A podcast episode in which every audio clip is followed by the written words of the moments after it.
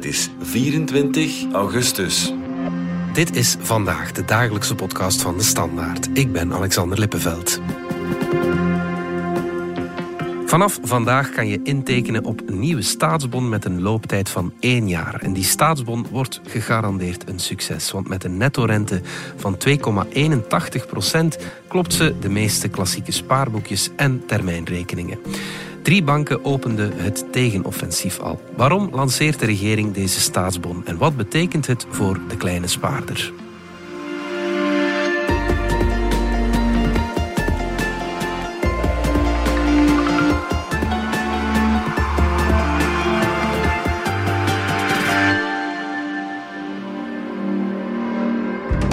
Hebben we eigenlijk voor gekozen op een ogenblik dat we zien dat de rentes uh, heel sterk aan het stijgen zijn, maar dat op de spaarboekjes eigenlijk er weinig uh, aan het bewegen is, of toch in ieder geval te weinig, ja, dat we daar ook een, een gelijkaardig product gaan, uh, gaan brengen. En dat is die staatsbon met een duurtijd van één jaar. Ja. Waar we, als we kijken naar de, naar de interesse die voor dat product bestaat vandaag voor de staatsbon, ja, dat je toch wel duidelijk merkt dat mensen op zoek zijn naar een hoger rendement. En dat dat toch eigenlijk wel een heel duidelijke boodschap is van onze gezinnen alleenstaanden naar de banken toe om die rentes ook wat te verhogen. Dat was minister van eh, Financiën Vincent van Petegem, die trots zijn staatsbon aankondigt dinsdag in de ochtend op eh, Radio 1. Pascal Dendoven van onze economieredactie. Iets zegt mij dat uh, vandaag veel spaarders hun bank zullen contacteren. Hè? De staatsbon wordt gelanceerd. Dat is absoluut zo. Hè. Zoals u zei, een netto rendement van 2,81 procent voor een belegging op één jaar, een veilige belegging op één jaar dat is een aantrekkelijke rente. Mhm. Die kon je tot nu toe niet krijgen. We komen bovendien uit de context dat de rente eigenlijk een tiental jaar erg laag is geweest. De, mhm. de klassieke spaarder heeft heel lang moeten wachten om nog eens een, een beetje van een normale coupon te kunnen opstrijken. Mhm. En vandaar dat uh, bij iedereen uh, de verwachting is dat dat een succes is. Uh, Alleen, het is merkwaardig, de overheid durft het precies niet luidop zeggen. En werd officieel met lage doelstellingen maar achter de schermen hoor je dat ze echt wel een, een kleine stormloop verwachten. Ja. Die staatsbom. En, en wat verwachten ze dan? Wel, officieel uh, heet het dat de overheid mikt op uh, eh, 1 miljard euro spaargeld op te halen uh, via die staatsbom bij, bij de spaarders. Natuurlijk, in realiteit mikt men op een veelvoud. Hoeveel het zal worden, heel moeilijk te zeggen. Maar, maar je hoort zelfs baronnen die uitgaan van meer dan 5 miljard. Meer dan 5 miljard, ja de termenbon destijds uh, was circa 5 miljard. En voilà, het is eigenlijk uitkijken of we dat succes van toen zullen evenaren. Ja, van 2011. Dus de hoogste rente die krijgen we vandaag niet bij een bank, maar bij de overheid. Het is misschien hun eigen schuld. Eh, de bankensector heeft die rente zo lang heel laag gehouden. Eh. Ja, je moet wel de context misschien nog even dan bekijken dat de afgelopen jaren de centrale banken hebben de rente heel laag gehouden, zelfs negatief gehouden, mhm. om een aantal schokken in de economie op te vangen. Uh, denk bijvoorbeeld aan de pandemie. Ja. En de centrale banken hebben dus geprobeerd de economie overeind te houden met een heel soepel geldbeleid. Ja, uh, de rente die de ECB bood was heel lang negatief. Was eigenlijk tot juli vorig jaar was die rente nog negatief, 50 basispunten negatief. En dus in principe zou je kunnen zeggen, ja, had men dan die rentevoet toegepast, dan ging je op je spaarboekje geen rente krijgen, maar ging je moeten betalen aan de banken. Mhm. nou, wettelijk kon dat niet. Hè. De minimale rentevoet in België was 0,11 uh, basispunten. Mhm. Ja, dat soepel geldbeleid van de centrale banken heeft geleid tot een opstoot in de inflatie, van mhm. de inflatie.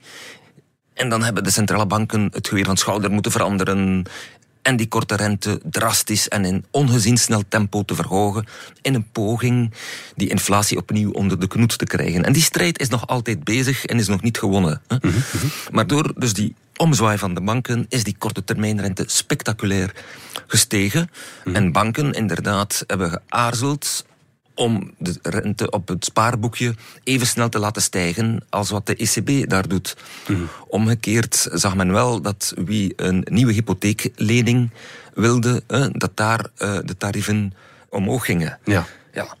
Daar natuurlijk technisch speelde een argument dat de banken zeiden: luistert, iedereen die de afgelopen jaren aan historische lage rentevoeten heeft kunnen lenen bij de aankoop van zijn woning, ja, die houdt nog altijd wel die lage tarief. Hè. Die betaalt ja, niet meer, die doet een goede zaak. Mhm. wij krijgen enkel op de nieuwe productie die hogere hogere tarief. rente, ja. En dus is het een beetje moeilijk in het kader van beheer eh, van onze balans en de renterisico's, om dan dat spaarboekje, eh, waar in België bijna 300 miljard op staat, om dat drastisch en vooral in een snel tempo te verhogen. Ja, maar er kwam wel een politieke discussie rond die spaarrente. Absoluut, ehm, want politiek natuurlijk zag men dat. Hè. Die rente op het spaarboekje bleef laag. Kredieten worden een stuk duurder. Eh, dat wrong. Hè. Politiek waren er verschillende partijen die wilden ingrijpen. Hè. Minister van Petegem heeft toen beslist advies te vragen van de toezichthouder van de banken, hè, de Nationale Bank van België. Hè. De conclusie of het advies van, van de toezichthouder was van niet te brutaal ingrijpen daarin, maar een pad van verhogingen. Ja. Maar politiek, ja, nam men daar geen genoegen mee. Men vond dat de toezichthouder te veel de kant van de banken koos. En men wou actie op dat spaarboekje. Ja. Er is dan even een discussie geweest om de banken te dwingen om de spaarrente te verhogen, maar zover is het niet eh, gekomen. Klopt, je had ehm, enkele politieke partijen, ehm, zoals Vooruit, eh, Groen, PS, die inderdaad wilden van overheidswegen de banken opleggen die rente eh, te verhogen. Er zijn allerlei varianten op tafel gekomen. Die zijn ook een aantal daarvan door de Nationale Bank onderzocht. Maar Alexia Bertrand, staatssecretaris voor Consumentenzaken, wilde niet op die manier ingrijpen. Ehm, ze wilde dat op meer met een zachte aanpak doen. En minister van Financiën, eh, Vincent van Petegem, diep in zijn hart, wil- wilde dat ook niet op die manier. Maar die is wel met een creatieve oplossing gekomen. Enter de staatsbon. Precies. Ja, is het een. Kan je het een meesterzet noemen van, van Petegem? Of eh, is dat te veel eer? Ja, het is toch wel een slimme zet. Hè. Hij heeft eigenlijk het succes van zijn partijgenoot, Evele Terme. ehm, hij was dat niet vergeten, eh, hoe dat er destijds een stormloop was op de staatsbon met verlaagde roerende voorheffing. Ehm, en dus hij heeft gezegd, we gaan dat opnieuw doen. Hè. Eigenlijk heeft hij die staatsbon gebruikt om te zeggen van kijk, wat de banken niet doen, die gestegen marktrente hier vlot doorgeven aan de spaarder, dat ga ik wel doen eh, via die, die staatsbon. En dat kon hij, omdat de marktrente effectief als hij geld moet ophalen bij institutionelen, moet hij ook meer betalen. En dus heeft hem gezegd, voilà, ik ga dat ook aanbieden aan particulieren, maar weliswaar een product op één jaar die in diezelfde vijver vist als het spaarboekje. En ik ga er fiscaal voordeeltje aan vastkoppelen. hè, In plaats van 30% roerende voorheffing, zullen de mensen maar 15% moeten betalen. En in België, ja, alles waar fiscaal een voordeeltje aan zit, dat heeft altijd succes, dat werkt altijd. Ja. En dus ja, dat was een slimme zet eh, van Van Petegem. Dus er zijn nu twee winnaars. Enerzijds de spaarder die ja, eindelijk meer spaarrente krijgt. Anderzijds de overheid die via de rodende voorheffing heel veel geld zal eh, binnenkrijgen. Dan is de verliezer ja, de bankensector natuurlijk. Zij staan erbij en ze kijken ernaar. Ja, het is duidelijk dat de banken zich daar een beetje gepakt voelen. Dus er gaat inderdaad een stuk verschuiving zijn van spaargeld, waarvan Petegem, de fiscus, niets op int, eh, naar een staatbon, eh, waar nu 15% van die rente naar de belastingen zal gaan. De banken zien een stuk van een goedkope werkingsmiddelen wegvloeien. Eigenlijk hebben de banken het zelf al zien gebeuren dat dit ja, een succes gaat zijn. Hè? Absoluut. De afgelopen zes maanden hebben banken al veel geld van de spaarrekening naar de termijnrekening eh, zien gaan. Hè? Dus naar producten met een hogere rente. En dat is nu precies net waar die staatsbon op inspeelt. Een product met een hogere ehm, opbrengst. Vandaar dat de banken eigenlijk wel zeker zijn dat er vele miljarden naar die staatsbond gaan vloeien. Ze zien de bui al hangen. En dat is allemaal geld die dan niet naar een eigen termijnrekening vloeit. Ja. Maar het is nu niet dat de helft van het spaargeld van de Belgen gaat wegvloeien van de spaarboekjes, neem ik aan. Sommigen zeggen, ja, maar daar staat bijna 300 miljard op dat boekje. Als je nu 10 miljard verschuift naar de overheid, naar die staatsbon, ja, dan blijft nog bijna 290 miljard over. Maar je moet wel weten dat dat geld precies dat gaat verschuiven. Dat is eigenlijk het stukje overtollige liquiditeit bij de banken. En dat is precies dat stukje waar ze bij de ECB die hoge vergoeding van 3,75% op krijgen en waar zoveel rond te doen was. En het is van dat stuk dat, dat nu afgerond wordt. Hè? Dus Ja, het, ja. doet wel een beetje pijn. De banken zijn bovendien ook wel, ja, eigenlijk niet te spreken over het feit dat zij op vergelijkbare producten, en voor hen is dat eigenlijk een termijnrekening, want wat is die staatsbon? Dat is geld vastzetten voor één jaar. Ja, ja, ja. Bij een bank kan dat ook. Vroeger was dat de kasbon. Die is eigenlijk in stilte verdwenen. Dat is nu de termijnrekening op één jaar. Maar daar moeten ze wel 30% roerende voorheffing op inhouden. Terwijl Van Petegem heeft een gelijkaardig product, de staatsbon. En daar moet maar 15 Ja, dan Als- spreken de banken nu van oneerlijke Ja. concurrentie, zeg maar. Ja. Dat heb je gezien aan een paar banken die hebben gereageerd. En zij moeten om netto hetzelfde te kunnen bieden als de minister, ja, een stuk hoger gaan. ja. Argenta, Deutsche Bank en AXA lanceren nu al een, ja, een tegenoffensief. Het is wel een bewijs dat Van Petegem zijn, eh, zijn strategie werkt. Hè? Klopt, hij zorgt voor beweging in de markt. Argenta is ja, toch een bank die in Vlaanderen een groot aantal kantoren heeft en, en in de particuliere markt een relatief belangrijke positie heeft. Dus is niet verwaarloosbaar. AXA Bank is een stuk kleiner. Deutsche Bank is natuurlijk groot in Duitsland, maar hier eh, niet zo groot. Maar toch, voor de klant komen er meer mogelijkheden om een hogere rente op te strijken. het, het punt dat je natuurlijk wel ziet, is dat die instellingen allemaal hoger moeten gaan dan de overheid. Um, omdat ze 30% roerende voorheffing moeten inhouden. Als de overheid 2,81% netto wil aanbieden op zijn staatsbon, volstaat eigenlijk een, een bruto rente van 3,30. Dat zien bij Argenta en AXA, eh, die moeten 4,01% bieden Ja. om aan die 2,81 te geraken. En het is eigenlijk, het is tien jaar geleden hè, dat we nog rentes van ehm 4% en meer hebben gezien. Dus daar sneuvelt wel een historische mijlpaal. De, voor die banken die op die manier hier reageren, ja, ze, ze moeten diep gaan. Dat kost hen veel geld. Dat doet hen ook pijn.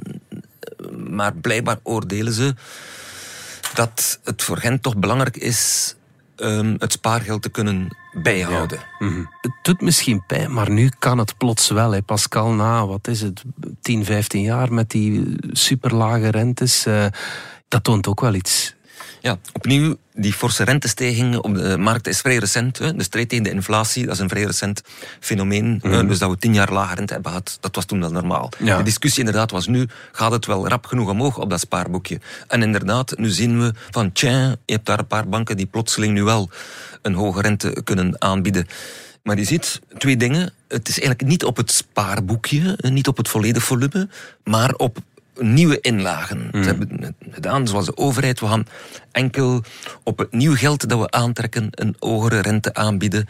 Toch, die banken gaan daar eigenlijk zeer hoog. En dan kan je vragen, waarom doen ze dat? Wel, een bank zoals Argenta, dat is natuurlijk nog een beetje een traditionele spaarbank. Hè? Mm. Met uh, klanten die ja, voorzichtige spaarders zijn, die graag een, een mooie rentecoupon hebben. Dat is echt geen publiek die op uh, bitcoins en zo zit te speculeren.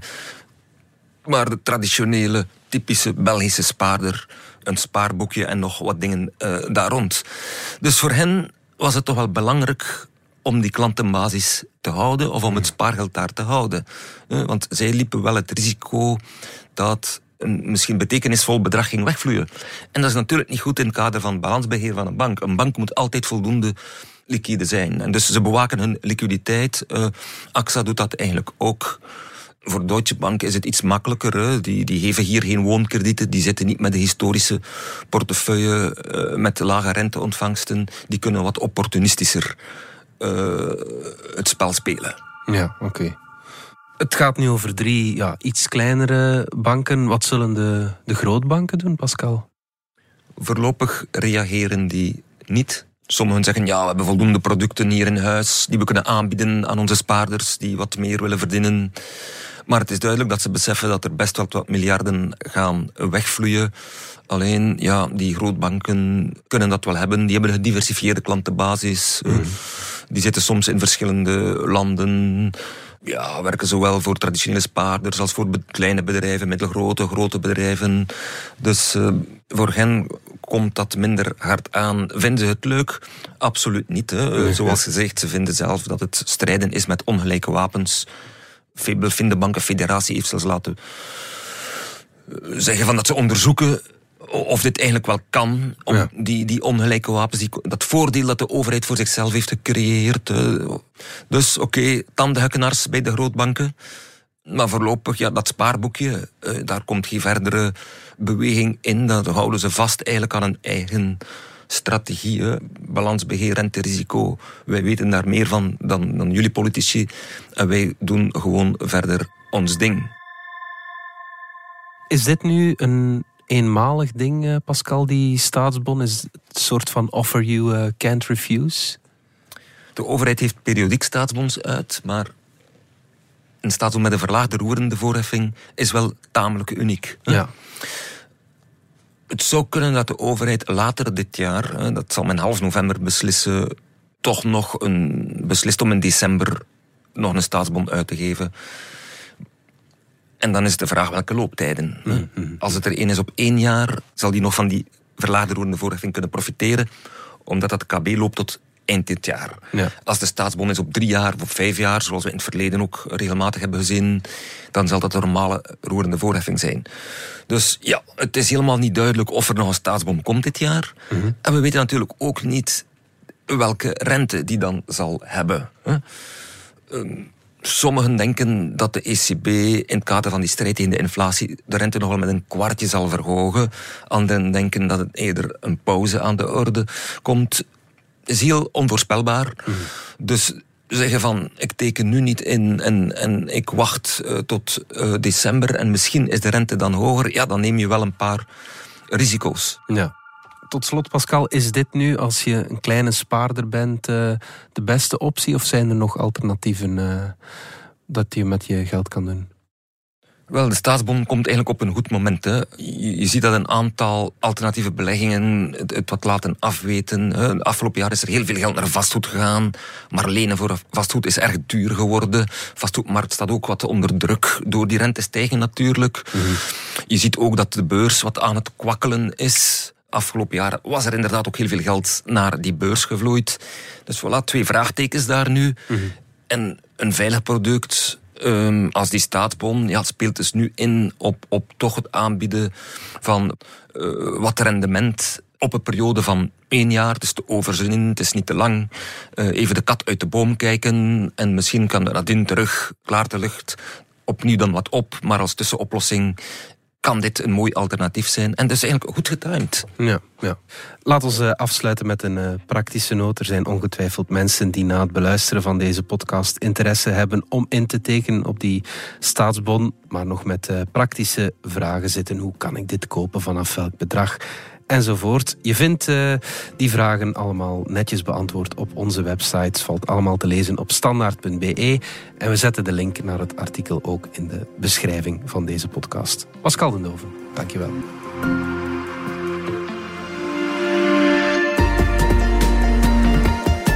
Dit was vandaag de dagelijkse podcast van De Standaard. Bedankt voor het luisteren. Volg ons op Spotify, Apple Podcast of eender welk ander podcastplatform. In onze gratis FDS podcast kan je niet alleen ons werk beluisteren, maar ook de beste podcasttips terugvinden. Alle credits van de podcast die je net hoorde vind je op standaard.be-podcast. Reageren kan via podcast.standaard.be.